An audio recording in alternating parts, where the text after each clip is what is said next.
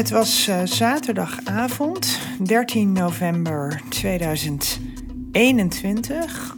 Toen kwam er bij de politie binnen een melding rond kwart voor elf s'avonds zo'n beetje dat er iemand was neergeschoten in zijn woning. Het is een rustige, koude avond in het Limburgse Heerlen, zo'n 10 minuten van de Duitse grens. Rustig tot deze melding. De plaatselijke politie gaat meteen op weg. Daar blijkt al snel dat dit geen gewone melding is. De hoofdbewoner Frank die zou zijn neergeschoten door een bekende van hem, ene Tom. En Tom zou er vervolgens vandoor gegaan zijn. Een schietpartij waarna de dader direct verdween. Wat is hier aan de hand? En die mysterieuze Tom die meteen op de vlucht is geslagen. Wie is dat eigenlijk? Dit is Het Oordeel van de Officier, een podcast van het Openbaar Ministerie. Mijn naam is Ben Prins en in de vijfde, zesde en zevende aflevering van deze serie neemt officier van justitie Johan Holthuis mij mee in de spannende moord- en achtervolgingszaak Aston Healy. Het begint allemaal op die bewuste zaterdag 13 november, de vrije dag van Johan.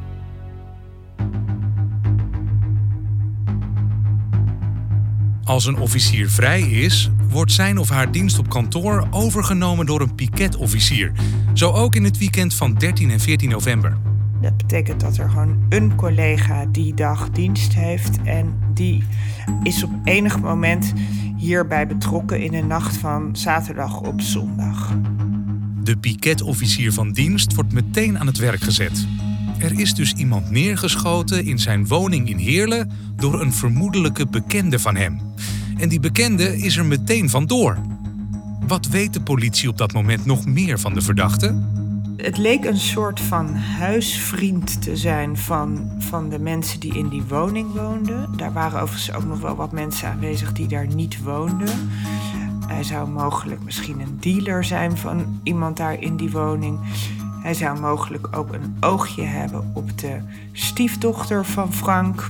Die dan volgens sommigen eigenlijk niks van hem moest hebben. Daar zou misschien een bepaalde ruzie over ontstaan zijn met Frank.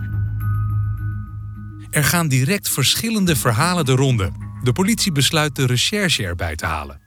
De recherche is vervolgens de hele nacht bezig geweest om zo snel mogelijk helder te krijgen wie deze Tom was. Um, geen van de mensen in die woning wist eigenlijk heel veel meer dan, dan de voornaam Tom. Er werd natuurlijk wel een beschrijving gegeven van hem. Niet al te oud, ergens zo tussen de 20 en de 30 waarschijnlijk. Zou een bril hebben.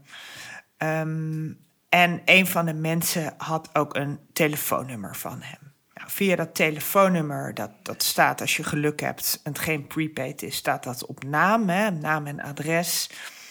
En uh, ja, ergens in de loop van de nacht komt de politie dan op die manier wel erachter wie waarschijnlijk deze Tom geweest is. Terwijl de politie Toms adres probeert te achterhalen, komt er treurig nieuws vanuit het ziekenhuis. Het slachtoffer is overleden. Tijd om het onderzoek in een stroomversnelling te brengen. Op zondag neemt een andere weekendofficier de zaak over, maar dat lijkt Johan geen goed idee. Ze heeft het nieuws inmiddels gelezen op internet en neemt contact op met haar vaste rechercheteam. De zaak zal toch bij haar terechtkomen, dus ze kan zich er beter nu al mee bemoeien. In een vroeg stadium van het onderzoek. Dus eigenlijk vanaf de zondagmiddag zo'n beetje uh, ben ik betrokken geweest bij die zaak. Nou, de stand van zaken was dus dat we op dat moment wisten, waarschijnlijk wisten wie Tom was.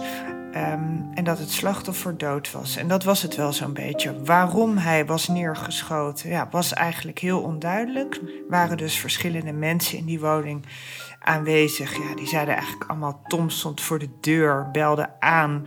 Het is heel even kort een gesprekje geweest. Ja, het volgende wat er eigenlijk gebeurd was, was, was dat er geschoten werd. Um, en we wisten ook totaal niet waar deze Tom was. Johan en haar team besluiten de zaak in twee parallelle onderzoeken te verdelen: de klopjacht op Tom en de bewijsvergaring van de moord. En dat laatste, daar moeten ze snel mee zijn. als je uiteindelijk een zaak wil hebben, dan zul je natuurlijk bewijs moeten hebben. En ja, daar zitten bepaalde dingen bij, die, daar moet je snel mee zijn, zoals camerabeelden of zo. Twee onderzoeken tegelijkertijd. Dat is nog een hele uitdaging voor het kleine team. Zo'n recherche in Heerlen, dat zijn helemaal niet zo heel veel mensen. Uh, dus die hebben eigenlijk van begin af aan gezegd van nou, we gaan nu met z'n allen aan deze zaak werken, 24 uur per dag, omdat we vinden dat uh, ja, deze verdachten, uh, die moeten zo snel mogelijk worden binnengehaald. Ondanks de beperkte bezetting gaat het team in full force en al snel druppelen de eerste resultaten binnen. Waar we vrij snel achter kwamen was dat deze Tom eerder veroordeeld was geweest uh, voor een levensdelict. Hij had in 2007 een overval gepleegd op een winkel in Amstelveen. En daarbij de winkelier uh, dodelijk verwond. Daarvoor had hij een gevangenisstraf gekregen en TBS. Best een lange TBS gehad. En die TBS was nog niet eens zo lang afgelopen.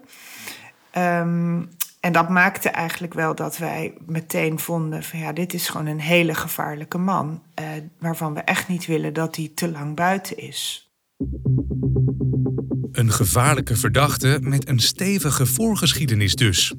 Johan en het team twijfelen hierdoor aan Toms psychische gesteldheid. Daarnaast vertellen de getuigen dat hij hoogstwaarschijnlijk aan de drugs is.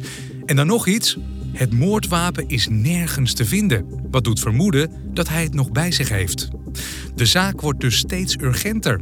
Johan en haar team zijn vastberaden. Tom moet achter slot en grendel. Wat is het plan? Maandagochtend ben ik uh, meteen naar het politiebureau gegaan. Hè, en zijn we gewoon met z'n allen bij elkaar gaan zitten. En dan moet je denken aan de recherche, maar ook bijvoorbeeld mensen van de uh, specialistische opsporing, dus mensen van een observatieteam. Um, eigenlijk iedereen zit daar bij elkaar om te kijken van hoe kunnen we zo snel mogelijk uh, tot een plan komen om deze man te pakken. Het daadwerkelijk echt uitvoeren van het, het, het, het, eh, bekijken van social media of het uitzoeken van telefoonnummers. Ja, dat doet de recherche. Maar ik ben daar van begin af aan bij betrokken en we maken samen de keuzes. Wat gaan we doen en wat niet. Een kleine doorbraak zet het onderzoek verder in gang. Ze weten inmiddels waar Tom woont en dat kan handige informatie opleveren. Zondag hebben we daar nog een doorzoeking gehouden in zijn woning. Daar hebben we niet zo heel veel relevante dingen aangetroffen. Wel uiteindelijk munitie. Die bleek overeen te komen ook met de munitie die, uh, die gebruikt was om Frank uh, neer te schieten. Het bleek een, een appartementencomplex te zijn met camerabeelden in de hal. En uiteindelijk hebben we um, via de eigenaar de camerabeelden mogen bekijken van die hal. En daar bleek wel dat na het schieten, ik, dacht zo'n dag later of zo, dat daar een uh, jonge man in beeld komt die um, ja, waarschijnlijk de woning van Tom binnengaat en daar weer uitkomt met een grote tas. Nou, dat was voor ons natuurlijk interessant, want dat was niet Tom, daar waren we wel vrij snel achter. Dus dat was misschien wel iemand die daar op verzoek van Tom spullen ging halen. Uh, dat was voor ons in ieder geval dus een aanknopingspunt om uh, op door te gaan rechercheren. Opvallend genoeg staat Tom niet officieel ingeschreven bij dat appartementencomplex, maar op een adres in het Duitse Aken. Voor op de to-do-lijst, want eerst staat er nog iets anders op de planning. Ontdekken wie die persoon achter de voortvluchtige verdachte nou eigenlijk is. Dat doen ze onder andere door Toms social media kanalen uit te spitten. Heeft hij familie waar hij contact mee heeft? Een vriendin? Een vriendengroep? Een auto? Die laatste heeft hij, maar wordt heel ergens anders teruggevonden. Dat spoor loopt dus dood. Maar er komt wel iets anders bovendrijven dat de aandacht trekt. Vlak na de afronding van Toms TBS pleegde hij opnieuw een strafbaar feit. Een inbraak, waardoor hij onder reclasseringstoezicht staat. Dus ik heb contact opgenomen met zijn toezichthouder van de reclassering. Van goh, wat weten jullie over deze jongen? Hebben jullie misschien nog aanwijzingen, plaatsen waar hij vaak kwam, waar we hem kunnen vinden? We hebben contact gehad met de TBS-kliniek waar hij gezeten had. Over ja, met name dingen als medicatie die hij zou gebruiken. Uh, wat er eigenlijk precies psychisch met hem aan de hand was. Daar vertellen ze dat Tom medicijnen gebruikt waar hij niet zonder kan. Handige informatie voor Johan. Maar er ligt inmiddels zoveel informatie dat er prioriteiten moeten worden gesteld. Wat onderzoeken ze wel en wat niet? Eerst maar eens in dat tweede adres van Tom duiken. Omdat dat adres in Aken ligt, vraagt Johan de Duitse politie om hulp. Wij dachten toch allemaal wel, nou ja, als ik hem was, zou ik zo snel mogelijk naar het buitenland gaan. Dus wij hebben gefocust ook op Duitsland. Dat adres in Aken, dat bleek eigenlijk nauwelijks uh, iets op te leveren. Dat was een soort kamerverhuurpand waar hij waarschijnlijk niet eens echt gewoond heeft. De Duitsers hebben wel ook meteen gezegd van... goh, wij willen heel graag ook met jullie meedenken. Um, dus als je onze hulp nodig hebt, dan zijn we er voor jullie. Nou, die hebben we later hard nodig gehad. Dus dat was, was heel fijn dat we dat op dat moment al in gang hebben gezet. Met Duitsland nog in het achterhoofd richten ze zich op het volgende haakje in het onderzoek: de helper in het appartement. Heeft hij misschien een rol in het vluchten van Tom?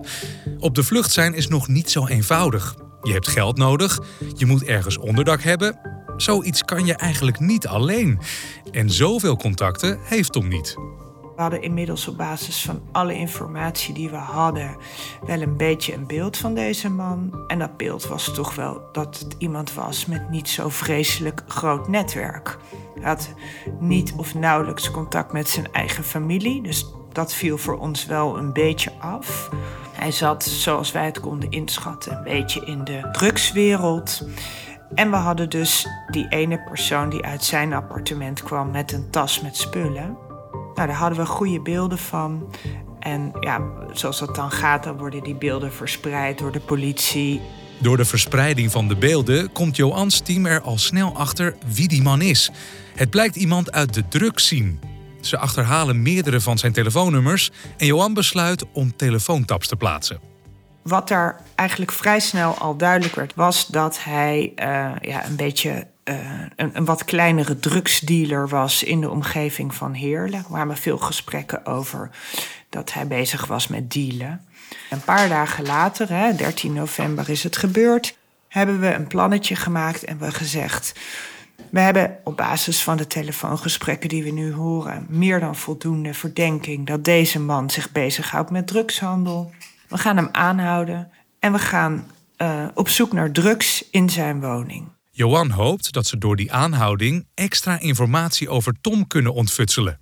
Misschien uh, vinden we daar wel iets. Misschien zitten verdachten daar wel. Of misschien vinden we wel aanwijzingen waar we hem wel zouden kunnen vinden. Dat hebben we gedaan. Wat treffen Johan en de rechercheurs aan in het huis van de drugsdealende helper? Je hoort het in aflevering 6 van Het Oordeel van de Officier, een podcast van het Openbaar Ministerie. De podcast is een productie van Podworks en ik ben Prins. Benieuwd geworden naar het werk van Johan en zou je zelf ook aan de slag willen als officier van justitie? Ga dan naar werkenbijhetom.nl. Bedankt voor het luisteren en tot de volgende aflevering.